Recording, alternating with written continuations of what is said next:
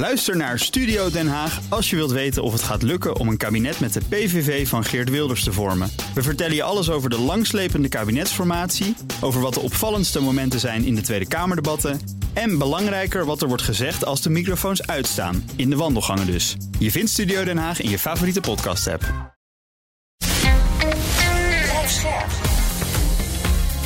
BNR Nieuwsradio. Boekenstein en de Wijk. Hugo Reitsma.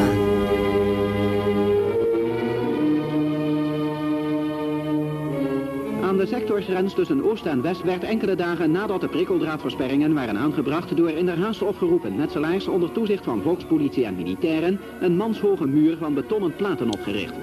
Daardoor werden de ontsnappingsmogelijkheden vrijwel tot nul gereduceerd. De komst van de Amerikaanse troepen hebben het vertrouwen in de vastberadenheid van Amerika en zijn geallieerden belangrijk versterkt. Een president verzekerde dat Amerika en zijn bondgenoten hen niet in de steek zouden laten en op de bres zouden blijven staan voor hun vrijheid. Als je de namen Berlijn en Kennedy hier tussenuit hebt geknipt, dan kan dit verslag uit 1961 straks zo nog een keertje mee.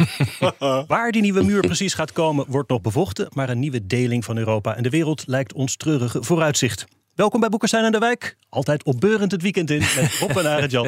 Op zoek naar de nieuwe wereldorde. De gast is oud-minister, oud-hoogleraar en secretaris-generaal van de NAVO, Jaap de Hoop Scheffer. Welkom. Dank. In een jaar oorlog hebben we veel problemen gezien natuurlijk aan de Russische kant. Waar ziet u in jaar twee de grootste potentiële problemen aan de kant van Oekraïne en zijn bondgenoten? Nou, die, die zullen liggen uh, op het punt van uh, het antwoord op de vraag... Uh, hoe blijft de politieke solidariteit overeind als het op een bepaald moment, en ik weet niet en we weten niet wanneer dat moment zal komen, de discussie moet worden geopend over een eindstatus. Die oorlog houdt een keer op. Uh, dat kan dit jaar zijn, dat kan over anderhalf of twee jaar zijn. Uh, en als je dan uh, de vraag gaat stellen in, in Berlijn of in, of in Parijs. Ja, wat is, jullie, wat is jullie eindstatus? Hoe denk je daar precies over? Dan krijg je denk ik een heel ander antwoord dan wanneer je richting Warschau of de Baltische landen zou reizen. Uh, dus met andere woorden, die solidariteit terecht binnen NAVO en Europese Unie is nu maximaal. En dit onderwerp, uh, discussie bespreekt men dan ook niet publiek. Dat, moet, dat moet Zelensky, dat moet Oekraïne uitmaken. Uh, maar uiteindelijk zal het toch moeten komen tot een gesprek ook over een eindstatus. En dan wordt het lastig. Wat zou zo'n eindstatus kunnen zijn, Jaap?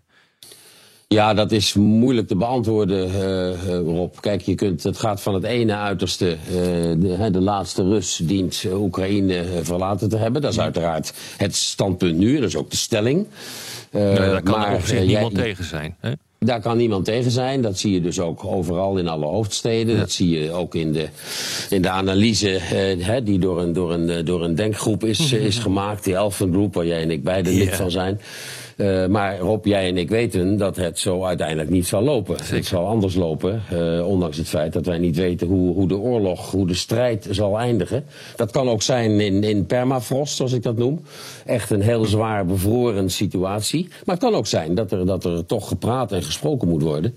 En daar zijn geen van beide partijen voorlopig aan toe, denk ik. En daarom uh, is mijn, mijn verwachting, ik doe geen voorspellingen op, net als jullie niet in de podcast. Mijn verwachting is dat het nog wel even zal duren. Ja, dat dat denk ik ook. En ik denk dat het, voordat we hier iets zinnigers over kunnen zeggen, zijn we een paar maanden verder. Want het inderdaad klopt dat beide partijen zich echt opmaken voor een offensief. Dan zul je dat even moeten afwachten, wat daar het resultaat ja. van is. Misschien, een, misschien Rob, een pril, een pril stukje hoop, prille hoop. Van de, maar het is allemaal gebaseerd op veronderstellingen. Ik weet het ook allemaal absoluut niet.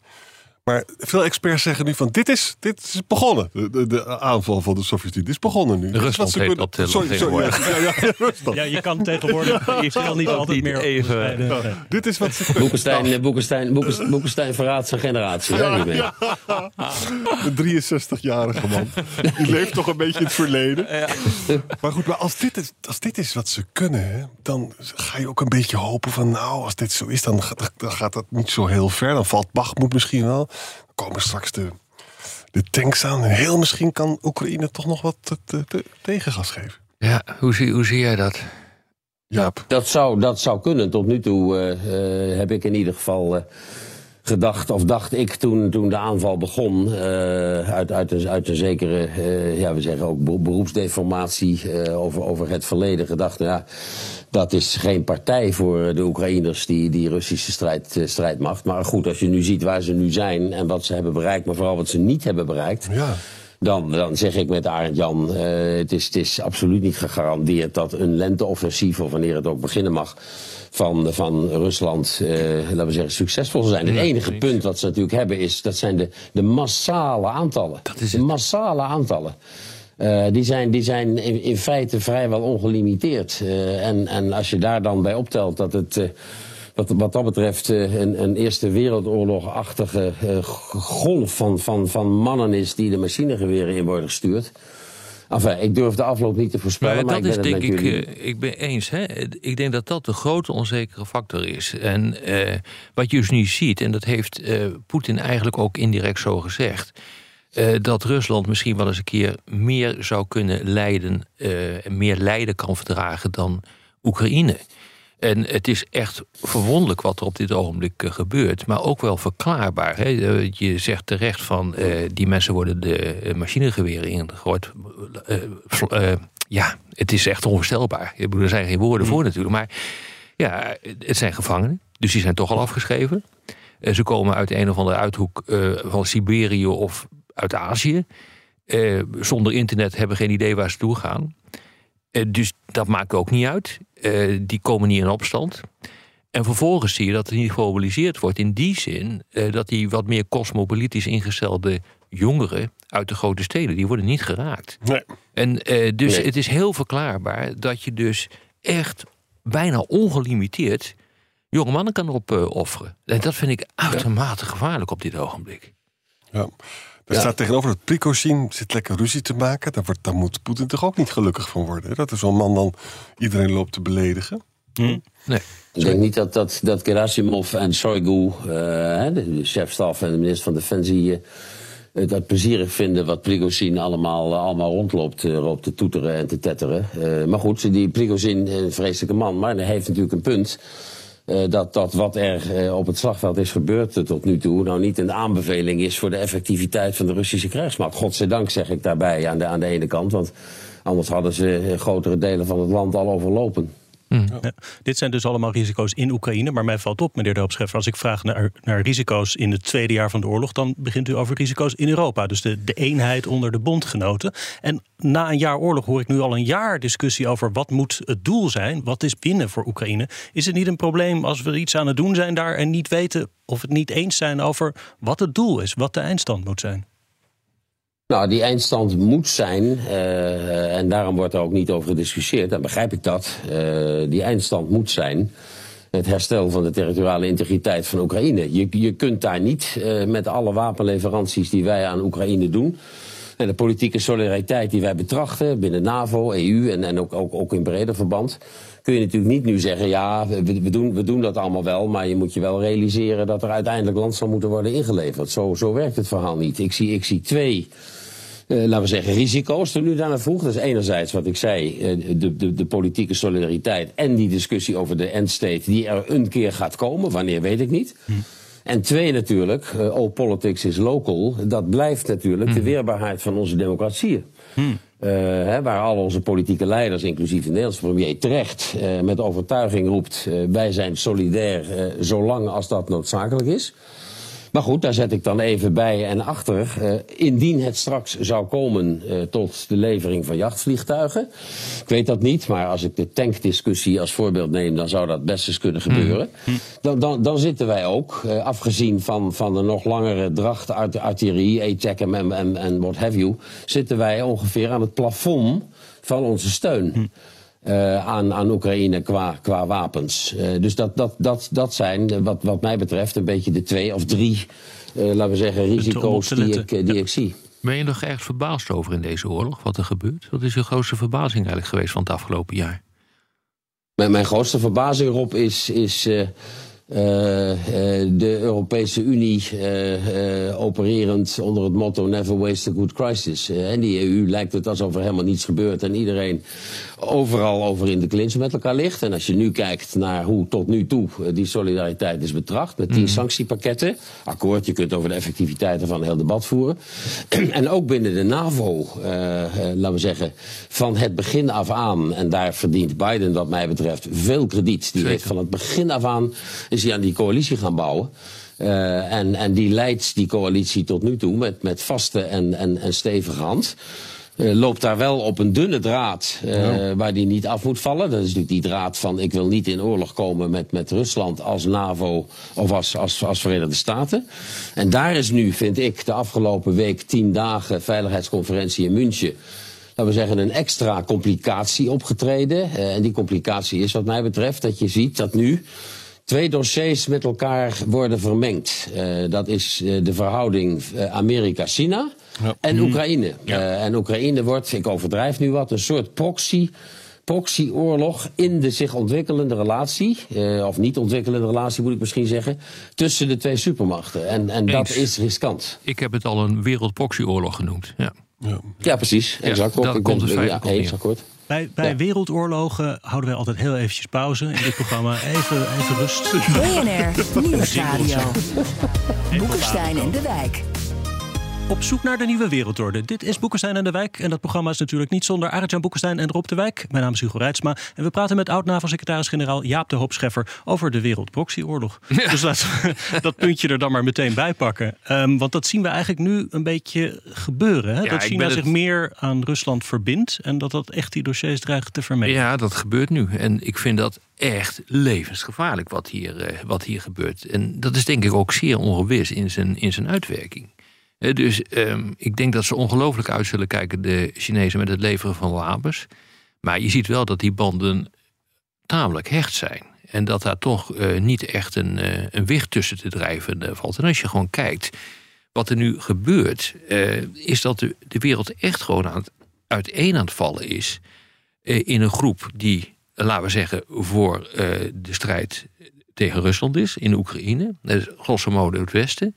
Maar de groep eh, die op een of andere manier Rusland steunt, is toch behoorlijk groot. Ja.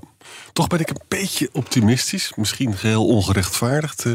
Nou, Kijk, vertel het dan maar. Ja, gisteren was er een persconferentie met Wang, als ik me niet vergis. En die ontkende dat, dat Ja, er dus wapens Chinese zouden worden geleverd. diplomaat Ja. in Moskou was die toen, hè? En de tweede is, als wij nou in de Chinese regering zitten... wij willen ongelooflijk graag exporteren naar de Europese markt. Dat is heel belangrijk. Ja. Hè? Dus het is niet zo verschrikkelijk handig om dat allemaal op prijs te stellen. Op het, op het- Op het spel te zetten. Eens, spel te zetten, toch? Eens, eens. dus, Ja. dus, Nee, maar dus- het, het- nee, nee één akkoord. Maar het is wel, een, vind ik, een, een, een vrij forse politieke opdracht voor Europa, voor ons... om in die zich ontwikkelende relatie tussen die twee supermachten onze positie te bepalen. Eh, want want eh, Biden heeft natuurlijk, laten we, eerlijk, laten we het, beestje bij de naam noemen... Biden heeft met zijn met zijn eh, exportverbod eh, van de hoogwaardige de halfgeleiders, al hoogwaardige chips, een soort, een soort eh, Koude Oorlog 2.0 Ja. op techgebied verklaard hè, Ja. ten opzichte van de, van de Chinezen. Wi- Willen wij, stel ik mijzelf en Europa de vraag, willen wij zo ver meegaan? Nou, we moeten dat wel, want Rutte wordt onder druk gezet en ASML mag zijn EUV-machine niet, eh, niet exporteren. Maar ik denk dat wij in Europa, en, en, en daarom moeten wij ook met de groep die, die Rob noemt. Ik noem dat niet meer een groep die op het hek zit, omdat zij zelf van zichzelf zeggen: eh, wij, wij, wij, wij, zijn, wij zijn in die multipolaire wereld zijn wij een pool, als jullie begrijpen wat ik Ja. bedoel. Eh, dus je kunt niet zeggen dat India, India, India is een pool in die multipolaire wereld. Alleen hier zit dus een opdracht voor ons Europeanen in. Wat willen we wel, wat willen we niet? China heeft een groot belang in Europa. Wij hebben een groot belang in China. Ja. En ik zou persoonlijk geen voorstander zijn van het, het, het voluit op de ontkoppelingskoers gaan. Maar en dat ik doen zie de Amerikanen wel. doen. Ja, de precies, Amerikanen exact. die willen dat. En de- ik, volgens mij ligt daar ook de grootste bedreiging voor de transatlantische relatie. maar volgens mij ook. Volgens, en het gaat ook Eens. mis. Het gaat ook mis, ben ik bang. Ja, wat kan Europa een andere positie innemen vis-à-vis China op het moment dat we nog geheel afhankelijk zijn van de VS voor onze eigen veiligheid eh, tegenover Het antwoord is nee. En de Amerikanen zeggen ook, als jullie dan die, die sancties ontlopen... dan mag je niet meer exporteren naar Amerika. Weet je nog wat die Iraanse casus, hoe Ja. boos de westerse multinationals waren? Siemens was woedend. En dat is allemaal opgekropt in Europa. Hè? Dus het is echt als... En de animositeit Ja. is gigantisch. Hè? We hebben eh, een, eh, een lijstje gekregen van eh, alle klachten van eh, China. Keurig vertaald.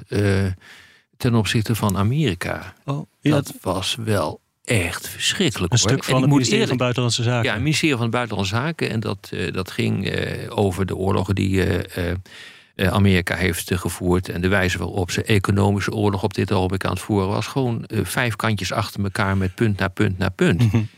En ik moet zeggen, al die punten Ja. waren wel waard. Waren absoluut waar. Het punt is alleen natuurlijk, zij doen het zelf ook. dat wordt dan altijd even vergeten. Maar je ziet dus dat die animositeit is wel heel erg groot hoor. En ook bij ASML. Ik zeg, ik zeg met, met, Arend, met Arend Jan eh, dat, dat, dat eh, eh, la- la- laten we zeggen, hier, hier grote risico's aanwezig zijn. Denk ook even aan het secundaire effect van Amerikaanse sancties. Gezien het feit dat die dollar natuurlijk toch de dominante wereldvaluta is. Dus ze kunnen ons flink, eh, flink grijpen. Maar ja, eh, jullie, jullie zeggen het beiden, eh, Rob, Arend, Jan. We kunnen ons als Europeanen nooit eh, equidistance, gelijke afstand permitteren. Politiek tussen enerzijds China, anderzijds Amerikanen. Want we hebben, we hebben op het punt van de militaria en defensie, zoals in Oekraïne weer blijkt, geen veer om voor de mond weg te blazen. Zo is het. Dus de, onze, onze manoeuvreerruimte uiteindelijk is, is, is, is redelijk Maar waar, beperkt. waar hoor. eindigt dat dan? Hoe zou jij, hoe zou jij daarmee omgaan? Eh, laten we zeggen, zet je eens even een van je vorige petten op. Hoe zou je dat nou doen? Nou ja, eh, door, door allereerst in Europa, in Europa eh, eh, er, er- ervoor te zorgen eh, dat we binnen de Europese Unie eh, iets wat lijkt op een, Chini- op een China-beleid eh, uitwerken. Want we hebben natuurlijk geen China-beleid, net zoals we geen Rusland-beleid hebben. Begrijpelijk, met, met, met, met, met 27 landen. Ik, ik kan, ik kan me er allemaal alles, van alles bij voorstellen. Maar in ieder geval dat we, dat we bijvoorbeeld op het punt van ook als je kijkt naar de Inflation Reduction Act. Ja, er is een lijn, er is een Franse lijn, de lijn Breton. Er is een Verstagerlijn, de andere Europese commissaris. Wat, wat vindt de commissie daarvan? Wat vindt de raad daarvan? Je, je zult toch een antwoord moeten geven op dat soort vragen eh, eh, richting Amerikanen. En dat zul je tezelfde tijd moeten doen eh, richting China. Het is natuurlijk toch vreemd dat een paar, een paar dagen na het uitbreken van de oorlog... Duitse bondskanselier met het halve hele Duitse bedrijfsleven richting Beijing reist. Bedoel, dat, dat, dat geeft aan, en de Chinezen weten dat... en de Chinezen hebben één groot belang, dat is Amerikanen en Euro- Ja. de Europeanen uit elkaar spelen. En Wang Yi die was eh, buitengewoon bedreven eh, met het eh, smeren van stroop om de mond van de Europeanen de afgelopen Ja, precies. week. Dat heeft hij goed gedaan, moet ik zeggen.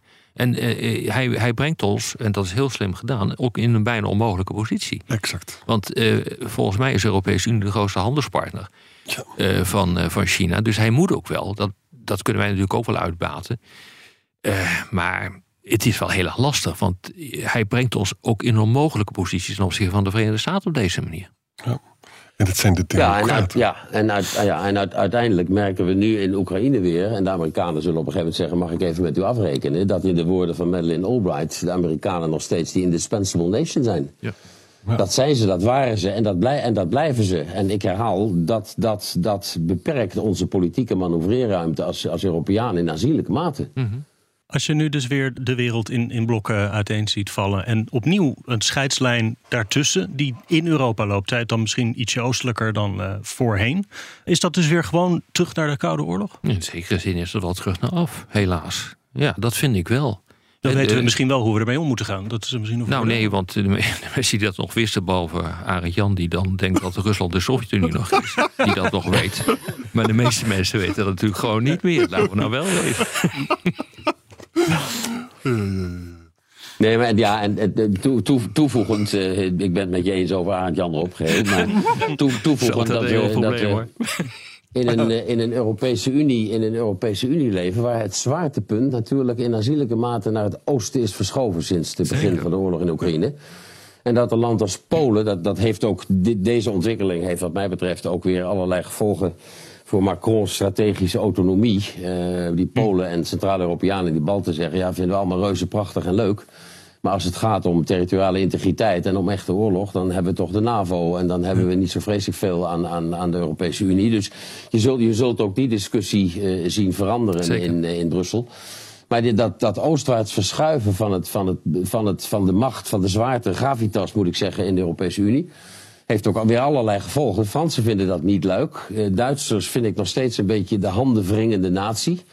Ja. Die die, die, die ja, handen, handenwringend de situatie aankijken. Wel een aantal grote stappen uiteraard hebben, hebben, hebben gezet. Met hulp van Biden en, en anderen.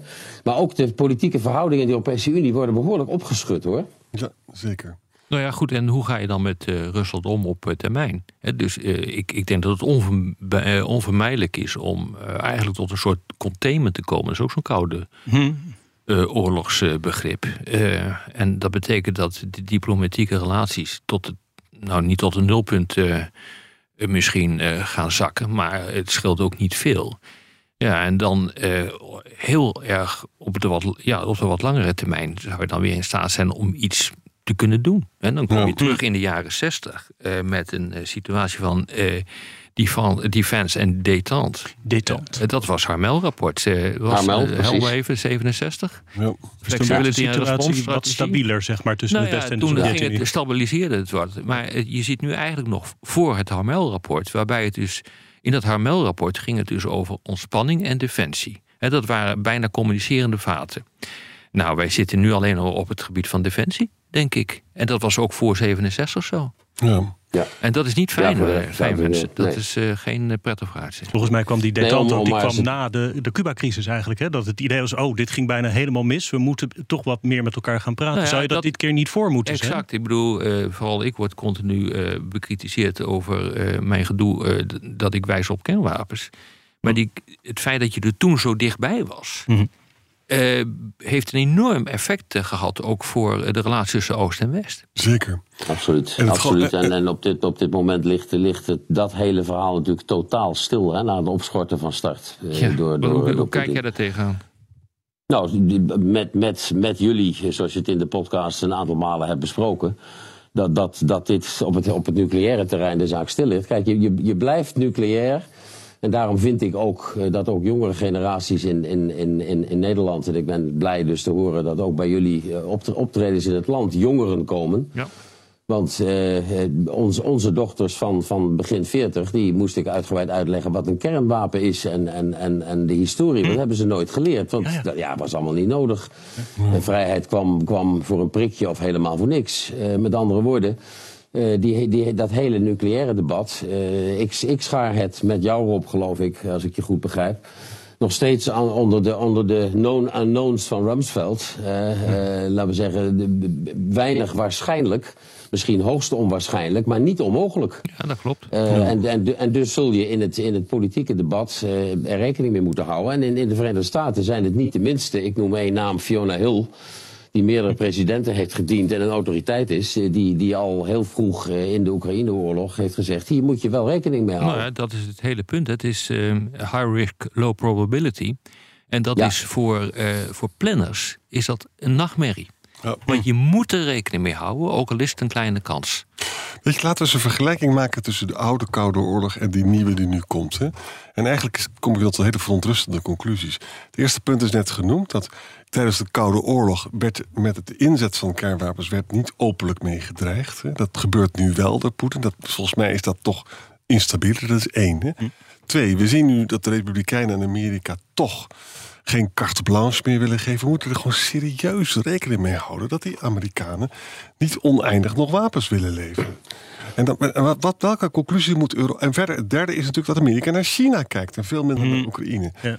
Het blijft, wat je ook verder van Europa vindt, Europa zal dus meer zelf moeten doen. Nou, wij weten zelf hoe lastig dat is. Maar er is wel nu geld beschikbaar. Het duurt jaren voordat je met iets komt. Het is ook zo, Rob zegt vaak, je kan nu de bonnetjes inleveren bij de Europese Commissie, dan krijg je geld terug. Hè? Voor wapens Ja. naar Oekraïne. Maar we moeten meer defensiesmoel hebben, echt. Wat vind je ervan, ja? Ja, en, en ik, wil, ik wil nog wel een één element aan jouw correcte analyse toevoegen, eh Arend Jan. Eh, en, en dat is eh, dat straks meneer Kevin McCarthy, de speaker van het huis, door zijn radicale achterban wordt gedwongen: jij gaat naar Taiwan en je gaat daar flink op de trom slaan en roffelen. Vreselijk. Dan krijg je Pelosi 2.0, het, bezo- het bezoek. Dan krijg je Chinezen die, die laten we zeggen, een nieuwe status quo hebben geschapen na Pelosi. Tja. Namelijk en opereren aan de oostkant van Taiwan met de marine en de median line in de straat van Taiwan niet langer respecteren. De Chinezen zullen dat niet over hun kant laten gaan. Blokkade? Eh, dus dat, ik, voeg, ik voeg dat nog even terug. Quarantaine, blokkade, eh, noem, noem maar op. En dan ben ik benieuwd, eh, eh, eh, maar dat is dus mijn, mijn vierde element, hoe eh, niet alleen de Amerikanen zullen reageren, maar ook wat de Amerikanen van ons zullen vragen als Europeanen. Exact. Exact. Eh, ma- mag, mag, ik, mag ik, aangezien China in het NAVO-communiqué is genoemd van de recente top, mag ik jullie vragen om, eh, om to show the flag eh, in de, in de, in de Indo-Pacific? Het lijkt ons wel nuttig als, als bondgenoten binnen de NAVO. Enfin, dat, dat soort vragen zijn niet uitgesloten. Ja. Nou, we hebben alle crisis weer bij elkaar. En Boeken zijn en de Wijk adviseren dus in elk geval de geschiedenisboeken over de Koude Oorlog weer even af te stoffen. Want daar gaan we weer naar terug. En laat de kinderen binnen blijven. Op de radio ronden we af, maar in de podcast gaan we langer door met luisteraarsvragen. Luistert u op de radio, dan verwijs ik naar boekenstein en de wijk.nl of uw favoriete podcast-app. En ik heb om te beginnen even een lekker ingewikkelde vraag voor jullie uitgekozen. Van Joachim. Die zegt: Bent u vertrouwd met de Primakov-doctrine? En kunt u duiden of deze opvallende verschillen vertoont met de Monroe-doctrine, die ook relevant is voor dit conflict? En ik heb het zelf maar even opgezocht. Ja, doe Primakov dat even, was ja. minister van Buitenlandse Zaken onder Yeltsin. Ja. En die heeft toen gezegd dat Rusland aansluiting moet zoeken bij China en India. om daarmee een tegenwicht te bieden tegen de VS. Ja, en De daarbij was... Monroe-doctrine is natuurlijk dus. eh heel Amerika is van Amerika, toch? Ja, Latijns-Amerika, daar moeten geen Franse of Britse Ja, komen. ik, ik denk niet dat het vergelijkbaar is. eh, maar dit speelt natuurlijk al een hele tijd. Dit speelt volgens mij al, de, eh, al niet decennia, maar dit speelt al eeuwen. Ja. Is nou eh, eh, Rusland een Europese of een Aziatische macht? Ja. En de gevolgen, de, de, zeg maar de corollary, het uitvloeisel van deze redenering is dat Oekraïne eigenlijk dus Russische invloedssfeer is. Dat was natuurlijk de gedachte. En dat is weer belangrijk in deze discussie, want Kissinger vond dat dus eigenlijk ook. En wat ik nou zo interessant vind, Jaap, is dat Kissinger is gedraaid. Hè? En dat komt Ja. door die afschuwelijke vreedheden van eh, Ja. Poetin in, eh, in, in, in, in het Donbass. Maar Ja. nog even terug dus naar, naar die vraag. Eh, ik denk dat het voor Rusland niet eens meer een keuze is. Maar ik denk dat het, het grootste gevaar voor, eh, voor eh, Poetin is... dat zijn land een vazalstaat gaat worden. Van China, zeker. Ja, En zeker. dat Precies. zal maar zo kunnen gaan gebeuren. Of, of zie ik dat verkeerd eh, aan je? Ja, Nee, Ja, nee, nog, nee.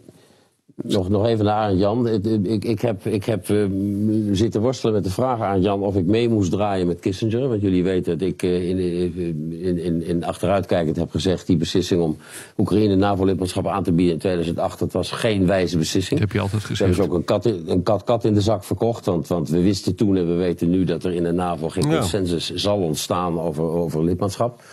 Eh, dus dat, dat, is, eh, dat, is, eh, dat is punt één. Dus ik draai vooralsnog niet mee met, met, met Kissinger. Ik, ik ben wel van mening dat Oekraïne op termijn, als we komen in het stadium wat we al bespraken eerder in de podcast, dat, dat je over, over eind, eindstatussen gaat debatteren. Dat je natuurlijk wel komt in het domein van welke veiligheidsgaranties en door wie moet Oekraïne hebben. Misschien dat het ooit dan nog tot. Enfin, dat is niet uit te sluiten. Ik, ik stel toch jullie ook de vraag, eh, Rob en Aart-Jan, eh, over Rus- Rusland en China. Als je naar, als je naar beschavingen kijkt, eh, durf ik wel de stelling aan dat, dat Rusland, althans het, het, het grootste deel van Rusland, als je naar bewoners kijkt, et cetera, toch meer te zoeken heeft bij onze westerse beschaving dan bij de Chinezen. Maar ik ben het met Rob eens dat, dat Poetin nu al het kleine neefje van Xi Jinping is. Eh, en dat, dat daar, dat daar aan, aan dat limitless partnerschap, of lim- limietloze vriendschap, dat daar ook eh, risico's voor Poetin en voor Rusland aan Ja, verbonden dat denk zijn. ik ook. En eh, dit, eh, de, die vriendschap is alleen maar mogelijk als het enigszins gelijkwaardig is. En dat zou gelijkwaardig zijn geweest als eh, Poetin, zoals hij waarschijnlijk gedacht heeft, eh, toch vrij snel een overwinning had geboekt in Oekraïne. Mm. Hè, dan had hij kunnen zeggen: Moet je eens even kijken wat ik heb gedaan. Ik heb orde op zaken gesteld. En eh, ik zie, hier ben ik. En ik ben een gelijkwaardige partner. Dat is hij dan nog niet. Want eh die Chinezen houden helemaal niet van gelijkwaardige partners. Houden ook niet van bondgenoten, Mm. bondgenootschappen.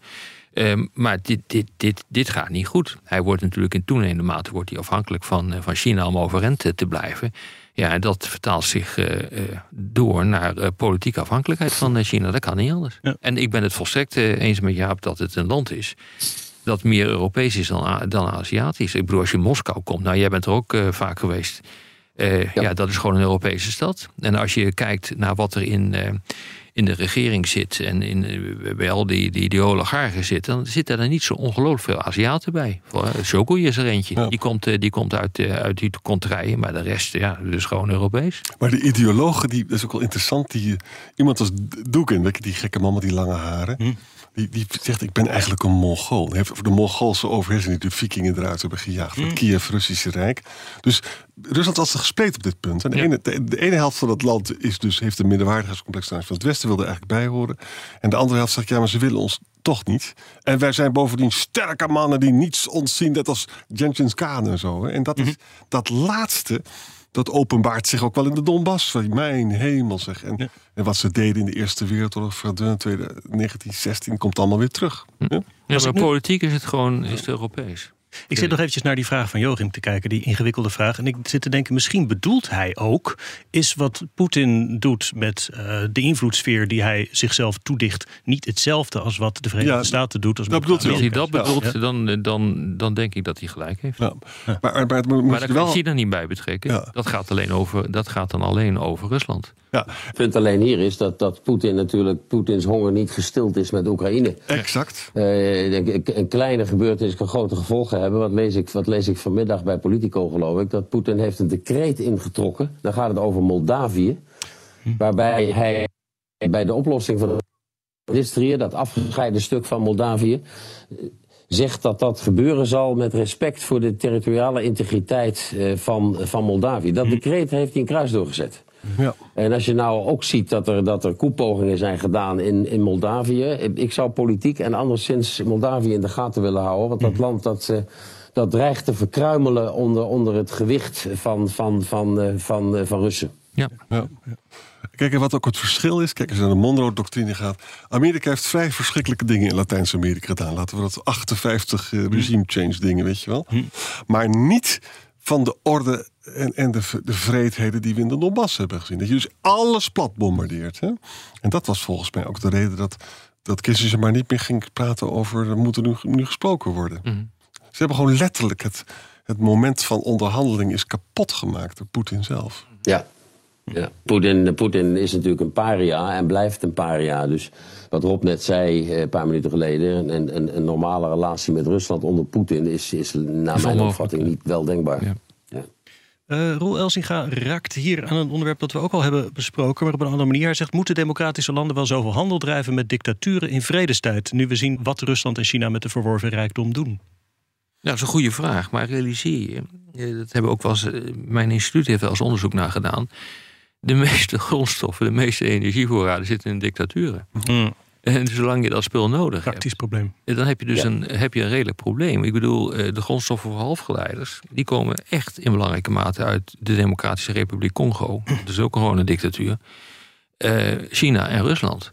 En dat, daar zit dus echt een geweldig probleem in. Dus daarvoor zie ik ook enorme problemen mee als die landen echt daadwerkelijk die voorraden gaan gebruiken als politiek pressiemiddel. En dat zou mij niet verbazen. En je moet erbij zeggen, stel je voor dat je dat niet zou doen, daar worden we dus heel arm van. Dus dan moet je dan eerlijk erbij zeggen. Hè? Van dat we dan dus, we hebben dan kunnen geen computers meer bouwen opeens, dan gaan ze maar door. Dit is echt de olifant in de kamer, Ja. dit eh, probleem. Ja. Ander puntje van Peter Hagedorn. Die vraagt waarom zaten de Europese landen er zo ver naast met hun inschattingen over de invasie, terwijl VK en VS het wel bij het rechte eind hadden. En waarom nam Europa de in- intelligence van VK en VS niet serieus? Wat schort er aan de Europese inlichtingen? Nee, dat is denk ik het punt niet. Ik denk dat de inlichtingendiensten dit ook wel wisten, want die, dit is gewoon gedeeld. Dat kan niet anders. Ik heb het ook nog eens een keer gevraagd, hier en daar. En zij wisten ook wel, en ze konden daar niet over communiceren. Nee, eh, mensen zoals wij zaten ernaast. Eh, en politici zaten ernaast, die dus niet direct toegang hadden tot die, eh, eh, tot, tot die inlichtingen. Ik denk dat dat het probleem is. En het vertrouwen in de Amerikaanse inlichtingen was niet optimaal nadat het eerder een Nou paar keer dat, mis is gegaan. Eerlijk, Ja. eerlijk is eerlijk. Dat heeft bij mij ook wel even meegespeeld.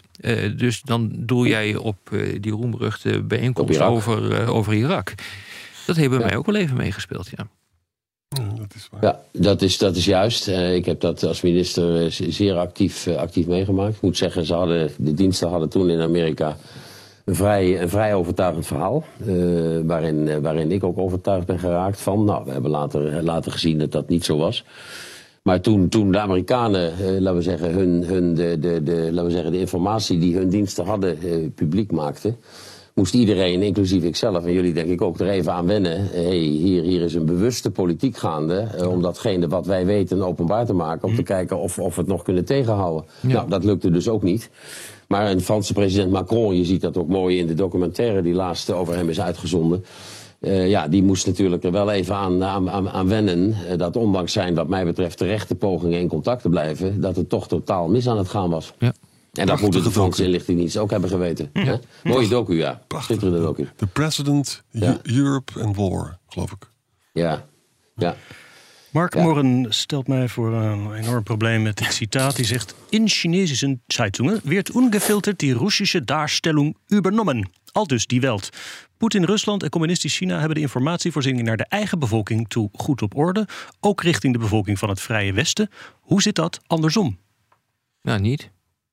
Ja, wij, Nee. wij zijn niet heel erg, erg effectief met het uitdragen van onze boodschap in de richting van de Chinezen en, en de Russen. Als Niet dat de eens tegen mensen- de Indiërs of de Nee, Afrikanen. als dat, Nee. al- als dat de vraag was, nee, dat kunnen we niet. En wij zijn een democratie, dus dan is het al heel erg moeilijk om één groot verhaal en narratief uit te dragen.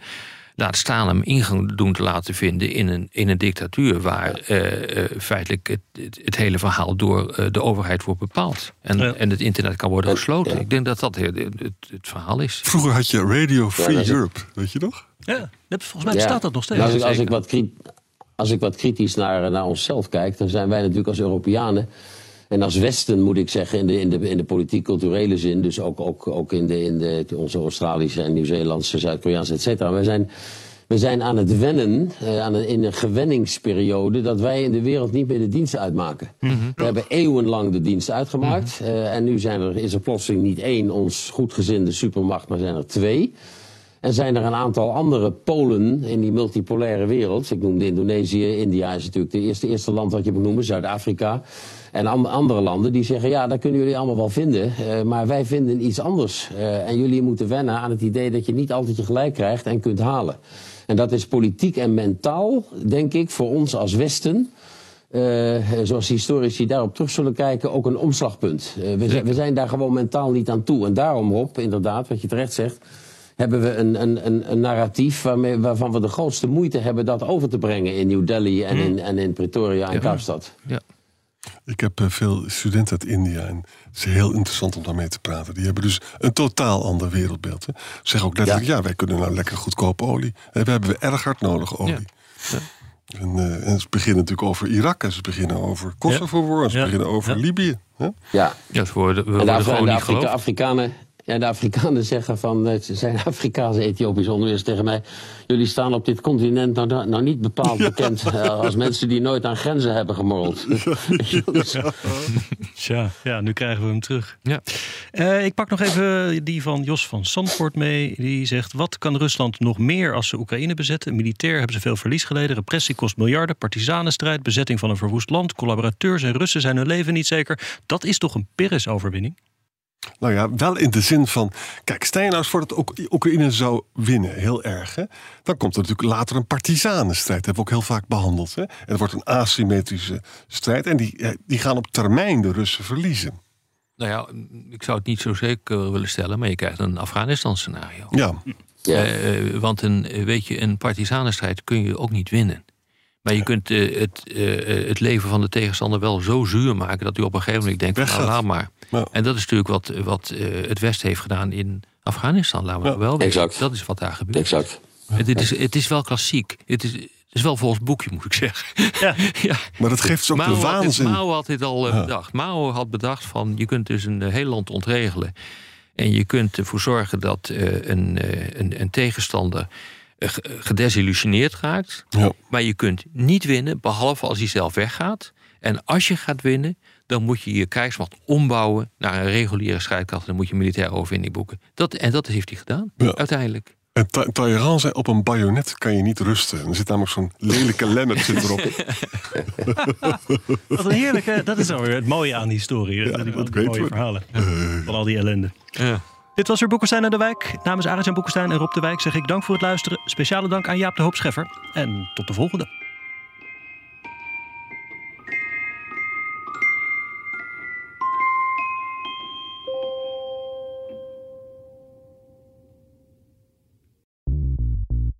BNR ben je altijd als eerste op de hoogte van het laatste nieuws. Luister dagelijks live via internet. Bas van Werven. En heel langzaam komt de zon op rond dit tijdstip. Je krijgt inzicht in de dag die komt op BNR, het Binnenhof in Nederland en de rest van de wereld. De Ochtendspits. Voor de beste start van je werkdag. Blijf scherp en mis niets.